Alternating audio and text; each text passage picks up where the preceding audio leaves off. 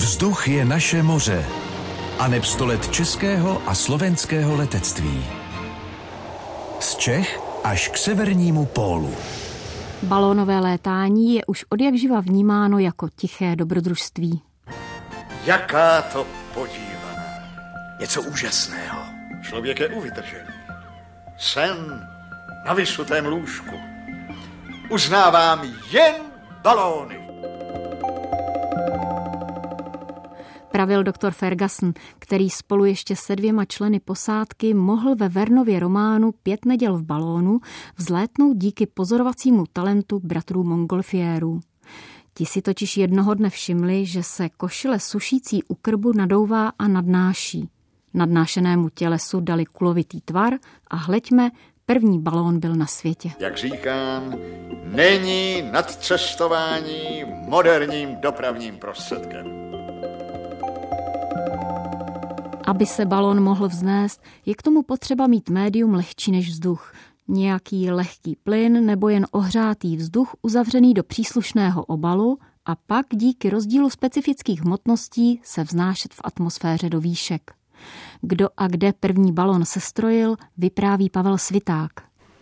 Vlastní historie balonu ovšem začíná v roce 1783, kdy ve Francii bratři Mongolfierové začali experimentovat s horkovzdušnými balony. A zhruba současně s jejich pracemi pařížskými vzniká i plynový balon profesora Charlese, plněný tehdy známým lehkým plynem vodíkem. Když 19. září roku 1783 předváděli bratři Montgolfiérové králi Ludvíku XVI. svou Montgolfiéru, cestujícími tehdy byli kohout, ovce a kachna. Po experimentech s nepilotovanými balony na konci listopadu 1783 poprvé vzlétl člověk v velkovzdušném balonu. V Paříži to bylo a pánové se jmenovali de Rozier a Darlan. 1. prosince potom zmíněný profesor Charles vzlétl balonu plněném vodíkem k několika hodinové plavbě. Zprávy o těchto balónech se začaly šířit po Evropě ovšem opět jen rychlostí tehdejších dopravních prostředků, to znamená poštovních dostavníků. Po celé Evropě se tehdy začaly konat pokusy zpočátku hlavně s malými balony bez posádky a u nás k prvním takovým pokusům došlo v únoru roku 1784 v Praze. Na první vzhled člověka u nás bylo ovšem potřeba ještě nějaký čas čekat. Rakousko trošku stálo stranou, protože císař Josef II. balonům ku podivu nepřál a francouzského vzduchoplavce Blanchára, který se nabízel, že tu uskuteční vzlety balonu do habsburských dědičných zemí vlastně nepustil. Takže Blanchard se mohl v Praze objevit až po smrti císaře Josefa II. Bylo to v roce 1790, posledního října vzlétl v Praze ve velkém horkovzdušném balonu, doprovázen českým přírodovědcem, šlechticem Jáchymem ze Štenberka. Vzduchoplavec nad Prahou! Neobyčejné podívání. Balon nad hlavami Pražanů! Světová podívaná v Bubenči. Mezi čtvrtou a pátou hodinou tohotéž dne vyzdvihl se v tak řečeném Bubenči pán Blanchard s jedním zdejším kavalírem, se svým podivným přehrozným větrným balounem v přítomnosti mnoho tisíc lidů do povětří. A to s takovou rychlostí, že v jedné minutě přes dva tisíce kroků zvejš se vznesl a pak přehrozný oblouk v povětří učinil a se opět sponenáhla a z čtvrt hodiny cesty od toho místa na jedno pole posadil. Dle jeho vejpovědi pozůstává ten baloun z 4600 loket desíti rozličných barev. Šenfeldské císařské královské pražské noviny 1790 dne 6. listopadu.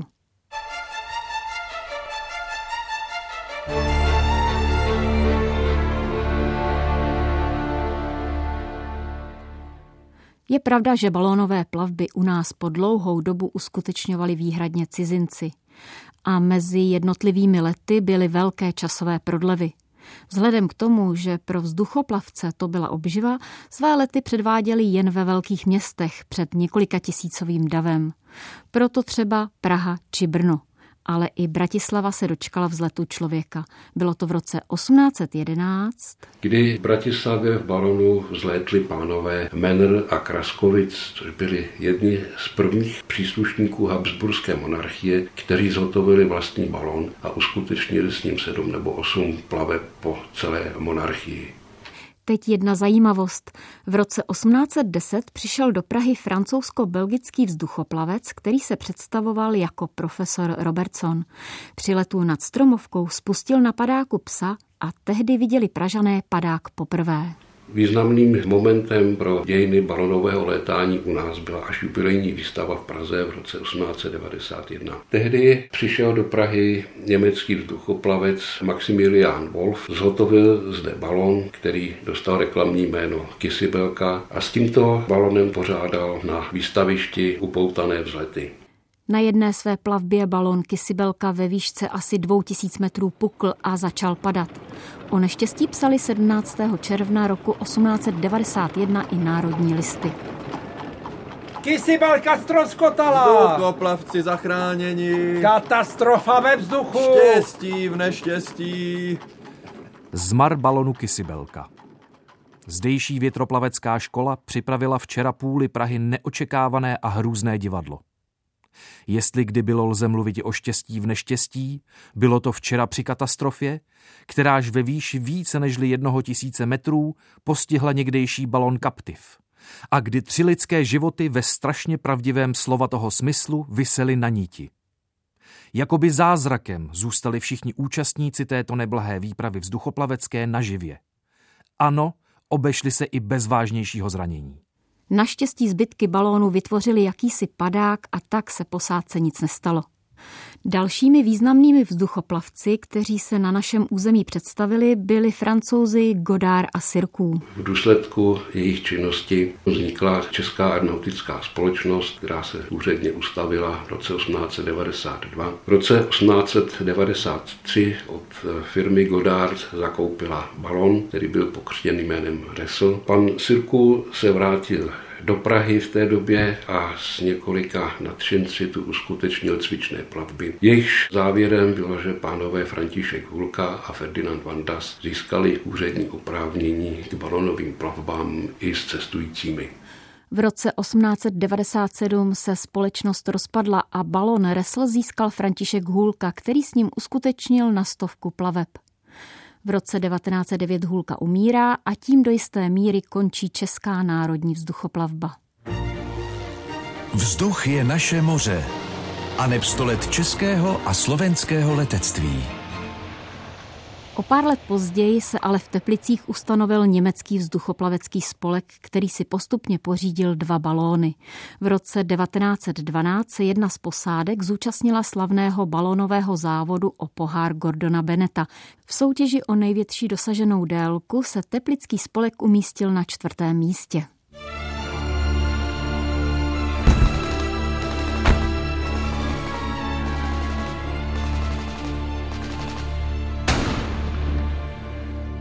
Vypuknutím první světové války ovšem činnost i tohoto spolku skončila. Za první světové války byly potom hodně používány upoutané balony k pozorování na frontě a v jejich koších se samozřejmě často objevovali i rodáci z českých zemí. Po první světové válce si upoutané balony pořídila československá armáda. Zpočátku byly organizovány u letectva, později byly převedeny k dělostřelectvu pro jehož potřeby potřeby sloužily. Po prvních balonech, které ještě měly původ v první světové válce, byly pořízeny německé balony typu K, které potom počtu čtyř kusů vyrobila bratislavská továrna Matador a byly používány až do konce republiky.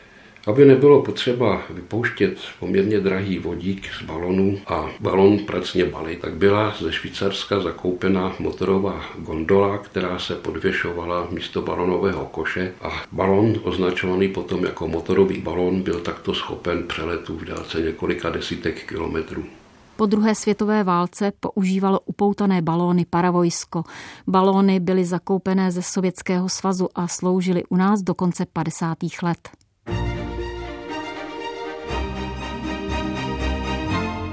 Vývojem balónů šel ruku v ruce i vývoj vzducholodí, ale byl tu jeden problém. Dlouhou dobu chyběl motor a takový parní stroj, který by nebyl pro let těžký. Ale i s tím si tehdejší konstruktéři poradili. 23. května roku 1928 v půl páté ráno, po dnech i nocích horečných příprav, jsme konečně započali poslední etapu cesty k severnímu pólu, kde schodíme italskou vlajku a papežský kříž.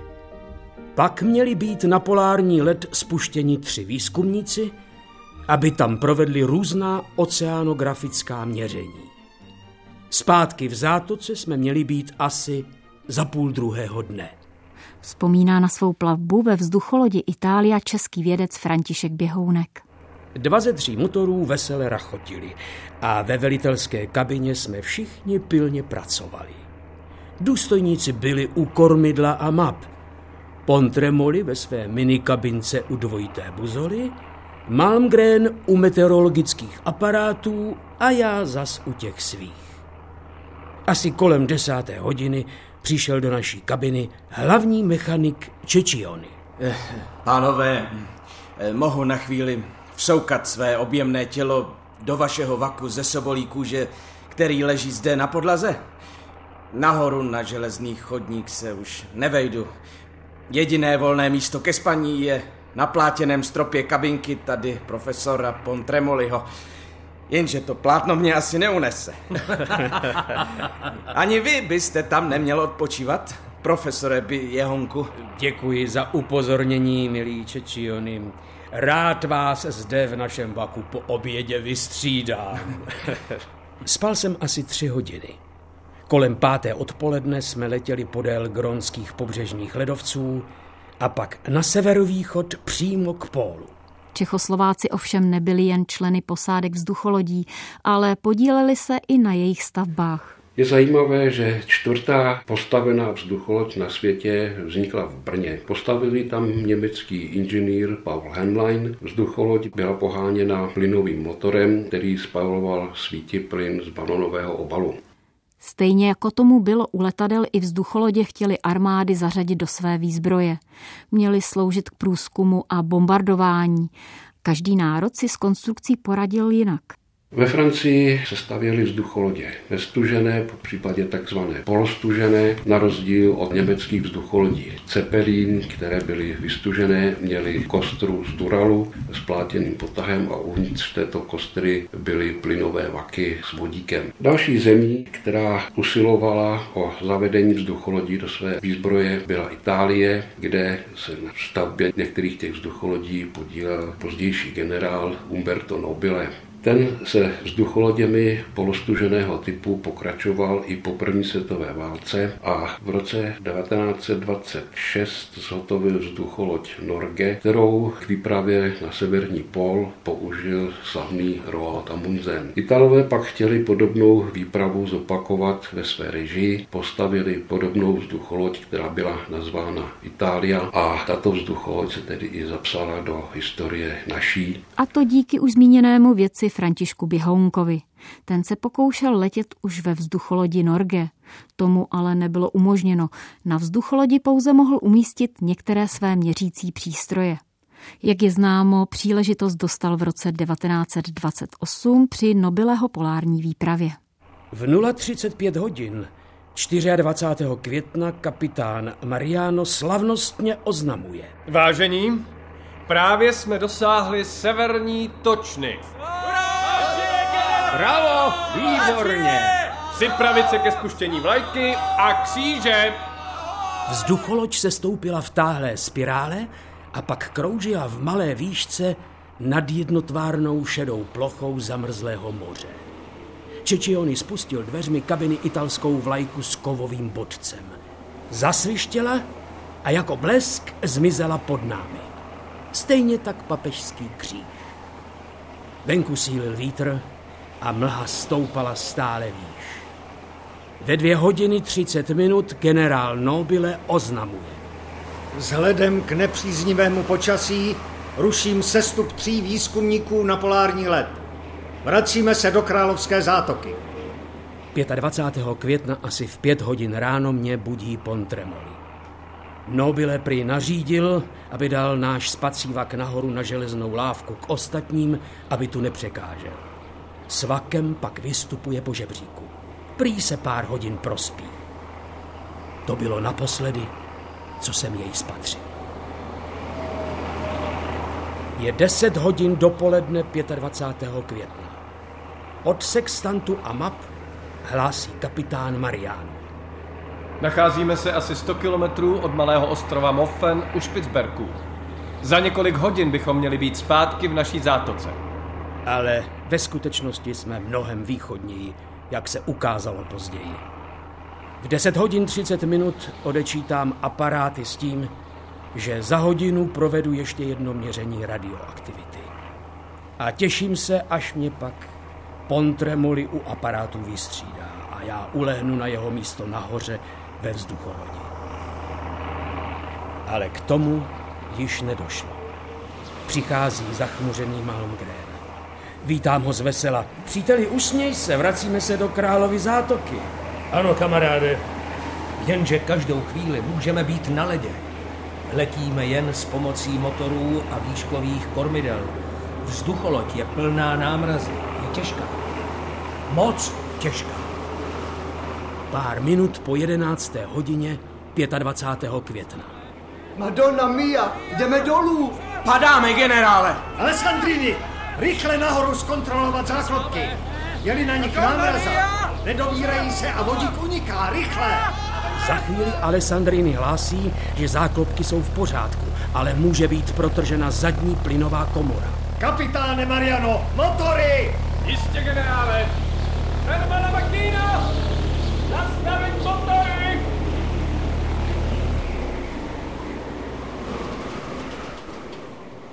Ale vzducholoď stále klesá, rychleji zadním koncem.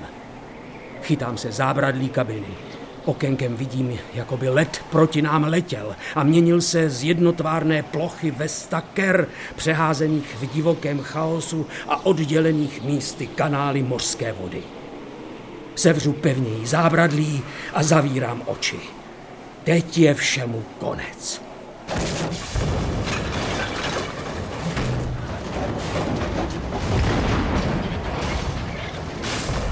Kabina poskočí na ledě a tříští se.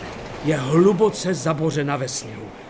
Cítím tlak sněhu a dělám zoufalé pohyby, abych se dostal ven. Konečně. První, co slyším, je klidný hlas kapitána Mariana. All right. Siamo tutti. Vše v pořádku, jsme všichni. Vzducholoď nad námi pomalu stoupá. Je teď lehčí o kabinu velitelskou a zadní motorovou, kde byl pomela. Toho jsme za nějaký čas našli mrtvého mezi troskami jeho motoru. Pak se vzducholoď se šesti kamarády rychle vzdaluje a mizí v husté mlze. Mariano je pár metrů ode mne, sklání se nad generálem a přívětivě k němu mluví. Nobile má zakrvácenou hlavu a mlčí. Nedaleko se pokouší vstát Čečion. A, nejde to. Levá noha je zlomená. Co ostatní? Tady je generál Nobile, u něj Mariano. Tam je Zapi vedle Biaggi. Vilieri a Trojany. A, a tady je Malmgren. Malmgren, ne? Jak je? Nic moc. Levou polovinu těla mám hodně potlučenou. Levačka je zlomená nebo vykloubená. Každý pohyb je... Snad to bude lepší. A co ty? Máš krev na čele? To je jen škrábnutí, jinak jsem all right. A žijeme, příteli. Nás devět, ano. Zatím. Radost ze záchrany života brzy vyprchala. Stojíme s Mariánem na vyšší kře a opodál Malmgren. Kolem jen ledová poušť a trosky. Kry s ostrými hranami různě nakupené, vysoké i nižší, mezi nimi úzké uličky se strmými ledovými stěnami a závěje. Bezradně se obracíme k Malmgrenovi. Ten jediný z nás ví dost o polárních pustinách. Jak? A kam jít se dvěma lidmi neschopnými pochodu? Jak nás najdou v té obrovské ledové pustině? A co budeme jíst, Mariano? Nevěžte hlavu, pánové. Poradíme si.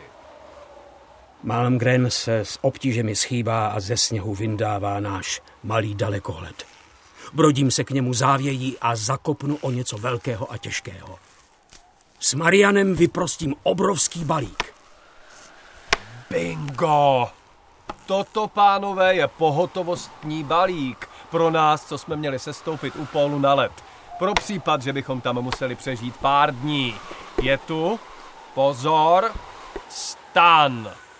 Generálův spací vak ze sobí kůže a 20 kg pemikanu. Paráda. Co je ten pemikan, Malmgrene? Slavná polárnická konzerva.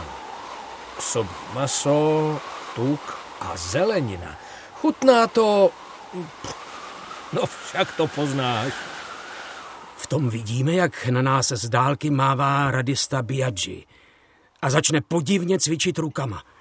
Co to jen vyvádí? Signalizuje rukama. Momento. Našel radiostanici. Grazie a Dio. I já děkuji Bohu za takovou naději k záchraně. Doklopí tam k Biagimu. Je tu víc trosek než jinde. A tady se odtrhla celá radistická kabina od té naší.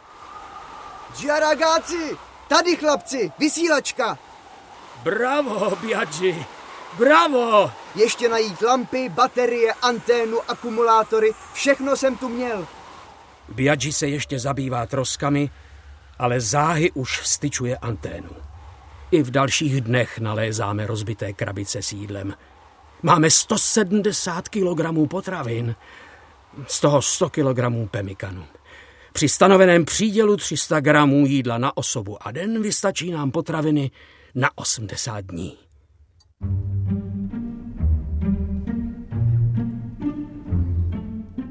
Následující dny nás Mariano neustále zaměstnává a dobře ví, co dělá.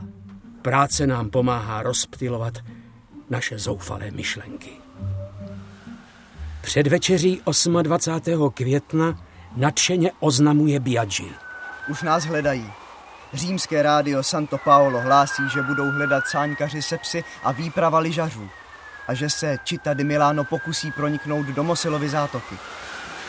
Jenže my jsme zcela na opačné straně od Špicberku.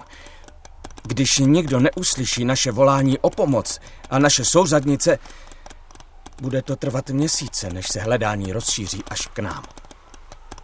Netrvalo to měsíce, ale dlouhé týdny. Biaggi mnohokrát denně vysílal SOS, SOS Italia Nobile. Pak trpělivě otáčel knoflíkem přijímače, ale marně. Si sente niente. Neslyším nic. Nikdo nás neposlouchá. Ale stalo se. 3. července zachytil naše volání o pomoc radioamatér a 12. července jsme byli všichni, kromě mého drahého přítele Malmgrena, vysvobozeni z ledového zajetí.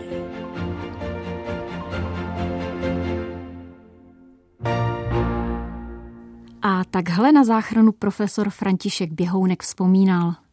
Pro naší skupinu, která potom strávila sedm týdnů na ledové kře pod eh, malým stanem, kam jsme se stěží vešli, byla uspořádána celá řada pomocných výprav.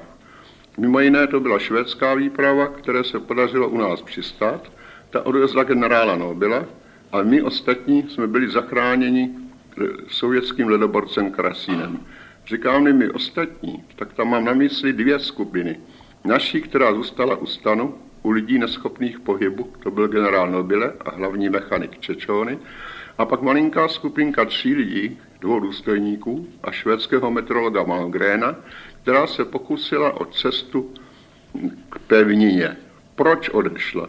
Odešla proto, že se nám nepodařilo po dlouhou dobu navázat rádiové spojení s naší lodí Čita di Milano, která kotvila u Špicberku. Na vzducholodě se ale v Československu nezanevřelo. U nás se úvahy o oživení vzducholodí objevují až okolo roku 1970, kdy byly úvahy o možnosti používat je k přepravě těžkých a rozměrných nákladů. Do konce roku 1980 byla úvaha o zakoupení vzducholodi z USA, ale k tomu nakonec nedošlo. A tak se u nás vzducholodi, tentokrát ovšem sportovní horkovzdušné vzducholodi, objevily až v 90. letech jednak nákupem ze zahraničí, jednak vzducholodí postavenou v Brně. Vraťme se ještě od vzducholodí k balónovému létání. To sportovní se u nás nerozvinulo ani mezi válkami a ani po druhé světové válce proto nebyly podmínky. Zlom nastal až v roce 1965, kdy skupina nadšenců založila Balon Klub Praha. Zhotovila několik plynových balónů a začala s nimi létat. V 80. letech potom byl zakoupen z Anglie balon horkovzdušný, později pak vznikly vlastní československé konstrukce horkovzdušných balonů, na které v 90. letech navázala brněnská firma Kubíček, která dnes patří k nejvýznamnějším výrobcům horkovzdušných balonů na světě. Protože balonové plyny, to je dneska vodík a především helium, v posledních asi 20 letech značně podražily. V podstatě dneska plynový balon u nás uvidíme ale poměrně hojně se létá s provozně mnohem levnějšími horkovzdušnými balony. Balonové létání se také řadí mezi sportovní disciplíny, které mají i svoje soutěže, jako například mistrovství republiky, Evropy a světa. Balónem byl dokonce i obletěn svět. Poprvé se tak stalo v roce 1999 s tříčlenou posádkou. Solový let uskutečnil o tři roky později v roce 2002 Steve Fawcett.